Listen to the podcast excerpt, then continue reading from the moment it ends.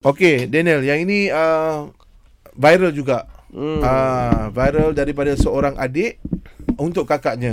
Yang ini baca dekat Twitter. Okey. Ya. Cerita ringkas COVID. Cerita satu. Orang tak nak naik lift dengan dia sebab dia pakai uniform misi. Oh kakak dia frontliner. Ah, frontliner ni. Cerita pasal frontliner. Oh. Cerita dua. Orang kedai tak bagi beli barang sebab pakai baju misi. Okey. Cerita tiga.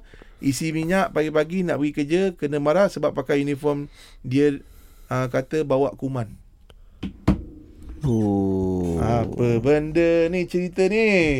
Korang ni. Okey, kita bersama dengan Suhaizam. Assalamualaikum.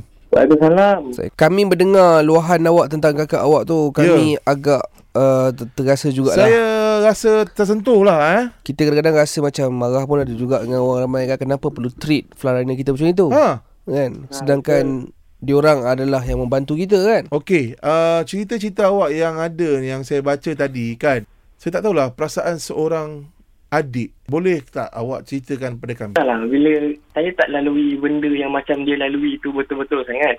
Aha. Sebab mungkin sebab dia nurse kot. Tapi bila saya dengar orang buat macam tu kan, lepas apa yang kakak saya dah buat, hmm. lepas apa yang semua frontliner dah buat tu. Tapi bila orang, bukan semua orang lah, tapi ada certain orang yang mungkin tak berpendidikan kot. Dia buat macam tu. Mungkin Tak lah, marah lah. tak apa, luahkan, luahkan, luahkan. Kita bagi peluang kat awak ni. Hmm. Entah lah, saya rasa marah.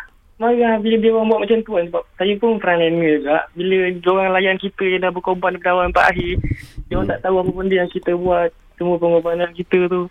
Rasa macam sia-sia je dia anggap kita macam tu.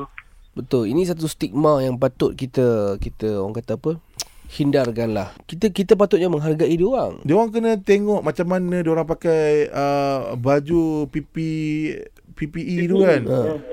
Uh, berapa lapis dengan sarung tangan dengan muka cover apa semua. Macam Berpeluh tau dalam tu.